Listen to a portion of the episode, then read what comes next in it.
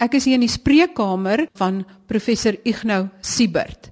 Hy is professor in ginekologie en verloskunde by die Universiteit van Stellenbosch se geneeskunde fakulteit en sy spesiale belangstelling is infertiliteit en endoskopiese chirurgie. Ons gaan vandag gesels oor polisistiese ovariële sindroom omdat baie luisteraars navraag gedoen het hieroor en bietjie meer hiervan wil uitvind. Wat is polisistiese ovariële sindroom? Dit is 'n vreeslike lang naam. Is dit 'n lang siekte? Nou, die probleem met polisistiese ovariële sindroom is dat dit een van die algemeenste endokrinologiese probleme is in die jong um, reproduktiewe vrou. So 1 uit 10 van alle jong vroue het polisistiese ovariële sindroom en gewoonlik kom hulle by die spreekkamers aan met uh, die klagtes van infertiliteit, maar duidelik is dit 'n sindroom. Nou die polisistiese ovariële sindroom het twee bene. Omdat jy nie op jou eie ovuleer nie, het jy dan probleme met fertiliteit. Maar daar's ook 'n baie nou verwantskap met insulienweerstandigheid En hierdie insulienweerstandigheid is dan nou natuurlik 'n lewenslange probleem. So jou leefstyl van die pasiënt van polisistiese ovariële sindroom maak dit 'n verskriklike lang sindroom en dit is dan nie net 'n kort probleem nie. So as ons die pasiënt die eerste keer sien, is die fokus eerstens op leefstyl dat die pasiënt moet definitief inkoop om te verstaan maar dit wat ons nou doen op die kort termyn om uh, te laat help om swanger te word gaan dan vir aan die langtermyn baie ekstra myle koop vanuit 'n gesondheidsprobleem. So hierdie is 'n lewenslange probleem en dit is 'n probleem wat hulle tot aan die einde van hulle lewe mens mee moet help en ook dan nou riglyne gee. So ja, lang antwoord, dit is 'n lang probleem met 'n lang naam. Kan jy die simptome beskryf? Jy vra simptome en dan gaan ek net eers gou sê hoe diagnoseer ons dit? Want daar's ook wye wye uiteenlopende diagnoses ook by die dokters. En dit moet 'n mens baie duidelik verstaan. So histories het mense gesê dat as jy oorgewig is en jy sukkel om te ovuleer, het jy polisistiese ovariële sindroom. Maar dit is nie die geval nie. So daar's 3 kenmerke van polisistiese ovariële sindroom. Die eerste een is ek ovuleer nie gereeld nie of ek ovuleer glad nie en dit kan 'n mens baie maklik kyk na jou siklusse. So gewoonlik gaan die pasiënt inkom en sê maar dokter, ek kan sommer 2 of 3 maande oorslaan.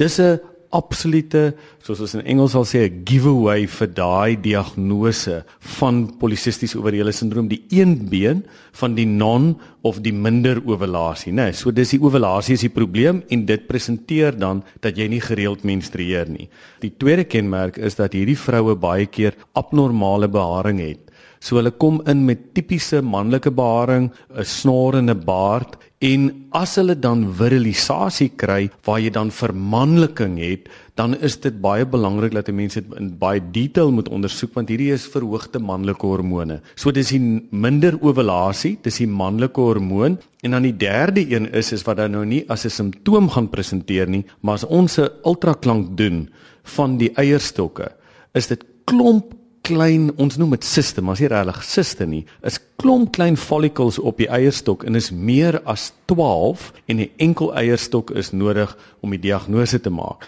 So as jy twee van daai 3 kenmerke het, dan maak ons die diagnose van polisistiese ovariële sindroom. Dit is nie gekoppel aan gewig nie en dit is nie gekoppel aan insulienweerstandigheid nie daar's wel 'n baie nou verwantskap daaraan. 60% van die vroue is oorgewig. Daai oorgewiggroep het ook 'n baie nou verwantskap om amper almal insulienweerstandig te wees, maar dis nie deel van die diagnose nie. En mense trek glikosewaardes en insulienwaardes vir die diagnose daarvan, maar dit is nie deel van die diagnose nie. So daai drie faktore en die drie kliniese kenmerke is waarop ons die diagnose maak. Wat loop verkeerd? Wat is die fisiologie agter polisistiese ovariële sindroom? Hoekom is daar 'n klomp klein siste of follicles in die eierstok? Dit is 'n baie interessante vraag en niemand weet dit regtig nie. Polisistiese ovariële sindroom is 'n genetiese probleem. Daar's 'n geen wat daarvoor kodeer en ons verstaan nie regtig die patofisiologie daarvan nie. Ons weet ook nie wat die oorsaak van polisistiese ovariële sindroom is nie. So baie keer sê ons is die eierstok is hy die villain of is hy die victim? En ons weet nie regtig waar dit vandaan kom die hoender en die eier scenario. So as ons sê die polisistiese ovariële sindroom, dan weet ons en dis hoekom dit sy naam is, is hierdie klomp poly is baie siste, hierdie klomp siste op die eierstok en wat dan die naam van die sindroom maak, maar dit maak hierdie sindroom so kompleks want ons kan nie regtig vir sê maar dit veroorsaak die probleem nie. Wat ons weet is dat dit ook 'n baie nou verwantskap met gewig het. En as hierdie vroue wat polisistiese ovariële sindroom het, oorgewig raak, het hulle 'n baie hoë kans om metabooliese sindroom te ontwikkel en met al die langtermyn komplikasies van metabooliese sindroom. So as jy nou dink aan die korttermyn van fertiliteit wat ek in die begin gesê het en die langtermyn probleem van jou lewensverwagting, is gewig en lewenstyl die belangrike ou. Want as jy die gewig aanspreek, het jy 'n baie goeie kans om op jou eie te kan swanger word, dat jy weer op jou eie kan ovuleer en as jy die gewig aanspreek, het jy 'n baie kleiner kans om metabooliese sindroom te ontwikkel. So jou heel eerste gesprek moet dan nou rondom gewig wees. So veroorsaak gewig die probleem? Nee, maar is amper soos petrol op die vuur. En die belangrike ding is is dat 'n mens nie by die huis moet probeer om na jouself te kyk rondom jou gewig nie. Ons het nou 'n studie gedoen met my dieetkundige Ansien Weideman by die Universiteit van Stellenbosch en ons het gaan kyk na die dieete vir pasiënte met polisistiese ovariële sindroom. En van almal wat by ons uitgekom het met die probleem het meer as 90% al op hulle eie probeer, 100% mislukkingssyfer en met die hulp van 'n die dieetkundige en iemand soos myself wat 'n passie het vir die sindroom, het ons 'n 60% uitval gehad oor 6 maande en ons het regtig eers begin sien dat 'n ou regtig wen na die derde besoek.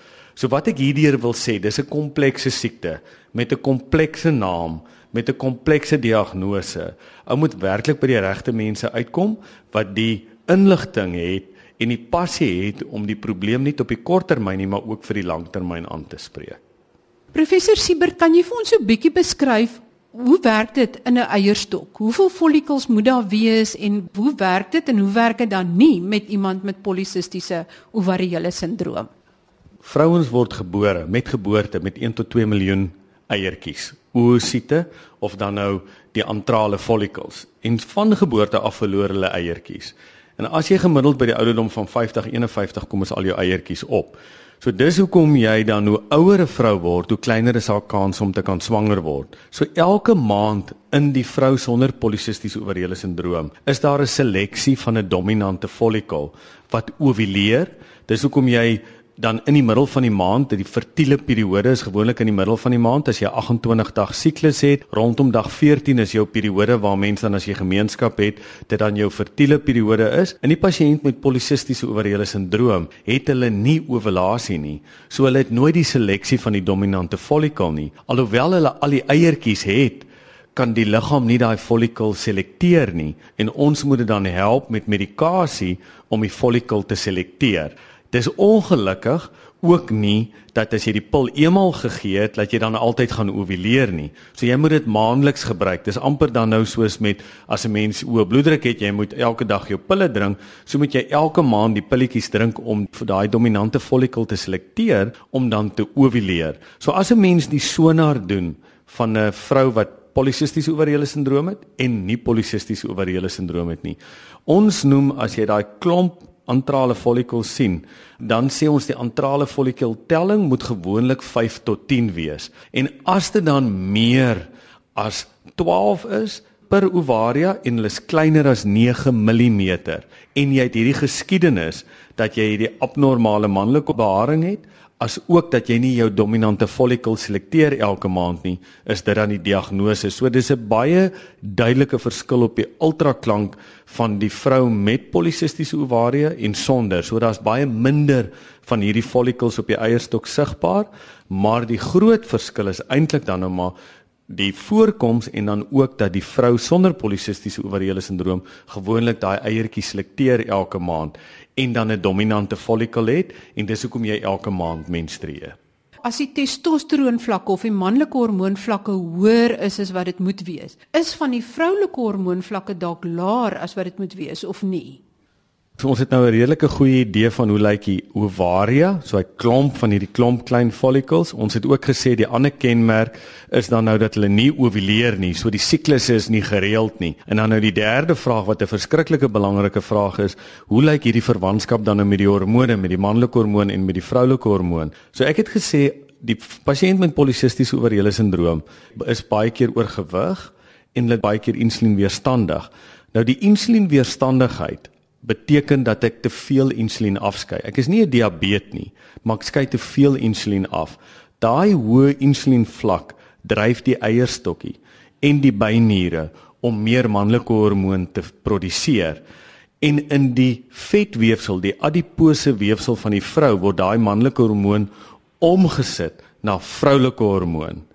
So baie keer het jy dan nou verhoogde vroulike hormoon met sy probleme dat dit dan omdat jy nie ovuleer nie kan dit die baarmoeder aan die binnekant stimuleer en hierdie vroue bloei verskriklik baie as hulle na 2 of 3 4 maande menstrueer omdat hulle hierdie hoë vroulike hormoon het wat aan die binnekant van die baarmoeder opgebou het en nie as gevolg van ovulasie nie, maar as gevolg van die omset van die manlike hormoon na die vroulike hormoon. So die groot ding as 'n mens dan nou weer terugkom as ek sê daar's die verwantskap tussen insulienweerstandigheid en gewig. So as die hierdie vrouens hulle gewig verloor, word hulle minder insulienweerstandig. En as hulle minder insulienweerstandig is, dan word daar minder manlike hormoon geproduseer en jy het die hierdie probleem van die non-ovulasie nie. So as 'n vrou wat polisisties ovariële sindroom het en sy's oorgewig en sy verloor so min as 5 tot 10% van haar gewig, meer as 80% van daai vroue begin op hulle eie ovuleer as gevolg van hierdie hormonale wanbalans. So die manlike hormoon, die oorproduksie is 'n sekondêre effek van die hoë insulienvlakke van die insulienweerstandigheid wat nou verwant is met die gewig. En as 'n ou dit dan eers kan aanspreek, verminder jy die manlike hormoon en hierdie vroue begin op hulle eie dan weer ovuleer. En dis net weer eens hoe ongelooflik belangrik dit is om 'n gesonde leefstyl te hê en om dan by die regte mense uit te kom as jy mens oorgewig is om die gewig te verloor om die hele proses dan te probeer omkeer. Met ander woorde, die eerste stap in die behandeling is jou leefstyl aanpassing eintlik as jy oorgewig is om gewig te verloor. Is daar ander behandeling wat bykom? Sê maar jy is insulienweerstandig of jy gebruik reeds antidiabetiese middels. Het dit enige effek en wat van ander bykomende behandeling? As ons kyk soos jy nou tereg gesê het en ek herhaal net wat jy sê want dit is so belangrik. Ons het nou baie duidelik gesien dat die eerste behandelingsopsie is leefstyl. Dit is gewigsverlies, maar dit is met hulp nie op jou eie probeer nie. Die man moet saamkom, ons moet by die regte dieetkundige wees en hierdie is 'n proses van ondersteuning en is 'n proses van geduld. Dit is verskriklik belangrik dat mense dit besef. Want die meeste vroue as hulle by my inkom en ek sê en ons begin die prentjie en ek het so 'n diagram wat ek hulle verduidelik, dan sien ek die gesiggie sak so. Want hulle het dit al hoeveel keer probeer, maar as jy nie die regte ondersteuning het nie, is ons in die moeilikheid. So yes, absoluut dis nommer 1. Nommer 2 is baie mense omdat insulienweerstandigheid so groot rol speel, word hulle op metformin gesit. Nou metformin of sy ander naam is glucophage is 'n insulinsensitiseerder, maar vir die doel van fertiliteit. Ons het 'n groot meta-analise gepubliseer 2 jaar gelede wat ons na al die studies gekyk het om te kyk of dit van enige waarde is in die lewende geboortes of jy die metformin gebruik of nie en daar was geen verskil nie. Voor dit het die Kanadese ook 'n studie gedoen en hulle het met Formin versus leefstyl gerandomiseer en leefstyl het weer eens die beste uitgekom. So as ons kyk vir die insulienweerstandigheid, is leefstyl weer eens die beste met die regte dieet. Nie net om gewig te verloor nie, maar om ook jou insulienweerstandigheid te hanteer. As ons dan verder gaan en ons het die leefstyl aangespreek en deur die leefstyl het ons die insulienweerstandigheid aangespreek, dan kom 'n mens by medikasies soos die Clomid pilletjies of as 'n nuwe pil op die mark vir Mara wat dan help om jou te help om te ovuleer. Maar as ons nie gewen het met die eerste stappe nie, is hierdie proses 'n baie tydsame proses. Hoe meer oorgewige mens 'n vrou is, hoe kleiner is haar kans om dan op die medikasie te ovuleer. As 'n mens dan nie met die medikasie ovuleer nie, dan kan 'n mens gaan en jy kan inspuitings gee en éventueel eindig baie van hierdie vroue in in vitro bevrugting as 'n opsie. Maar duidelik as ek dan nou vir jou die stappe verduidelik, is die leefstyl so belangrik En wat daarmee saamgaan, nie net die leefstyl om swanger te word nie, om te ovuleer en om jou insulienweerstandigheid te verbeter nie, maar hoe meer oorgewig ek is, hoe meer probleme het ek in my swangerskap. En hierdie probleme is miskrame, dit is hoë bloeddruk en dit is suikersiekte in my swangerskap wat dan nou weer 'n groot risiko is vir my baba en met die geboorte van die baba. So die gewig en die leefstyl is absoluut vir ons die nommer 1 waarna jy moet kyk vir die nou, vir die langtermyn, maar ook dan vir die gesondheid van jou baba deur jou swangerskap. As ons so kyk na so 'n paar syfers, Watter persentasie van vroue met polisistiese ovariële sindroom het uiteindelik 'n babietjie? Of dit nou haar eie babietjie is op normale manier en of dit nou deur in vitro is.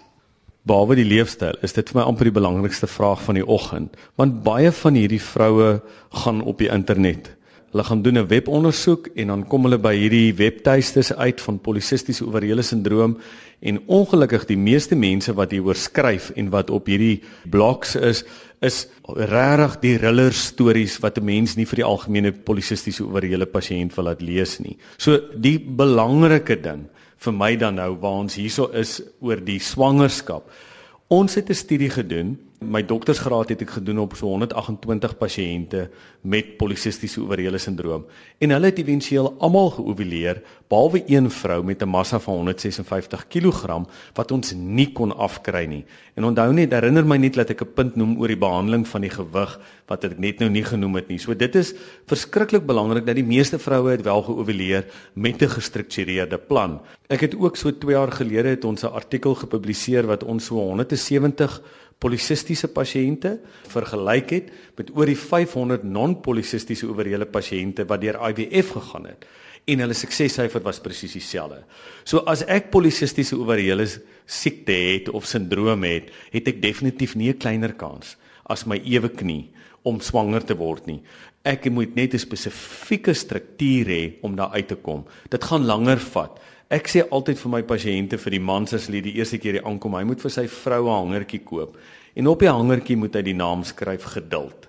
Want ongelukkig omdat dit 'n proses is met die gewigverlies en 'n proses is om hulle aan die ovuleer te kry, is geduld die belangrikste ding. Solank hulle net kan inkoop in die groter prentjie en 'n mens vir hulle in tydstrukture kan laat beweeg, wen ek hulle gewoonlik en gewoonlik word hulle wel swanger.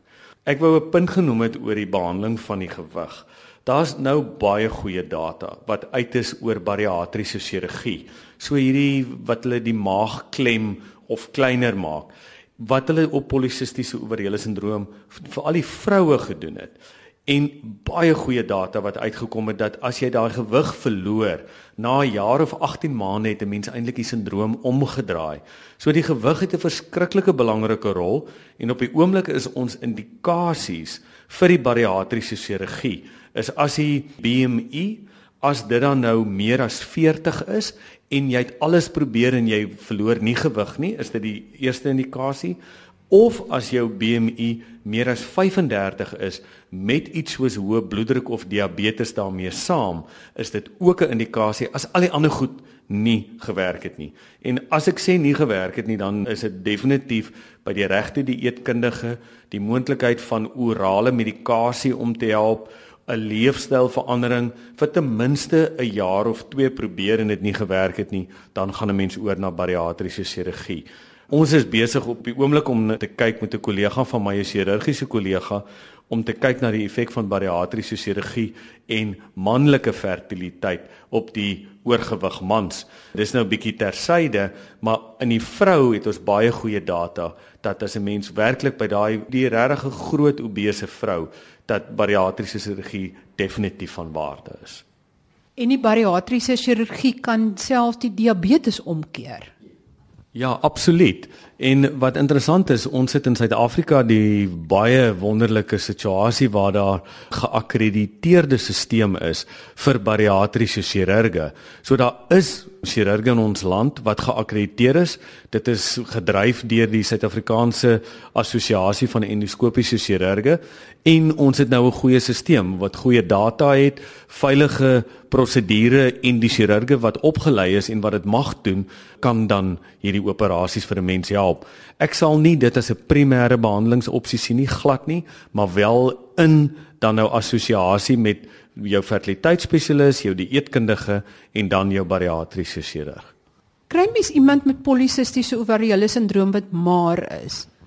En, en dan word die vraag gevra maar hoe hoe hanteer ons hulle? Gewoonlik is so 60, so 2/3 van alle pasiënte met polisistiese ovariële sindroom is oorgewig.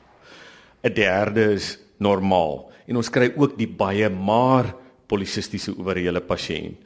Die interessante ding daarvan is as jy kyk na al die studies dat hulle het ook nog altyd 'n verwantskap met insulienweerstandigheid.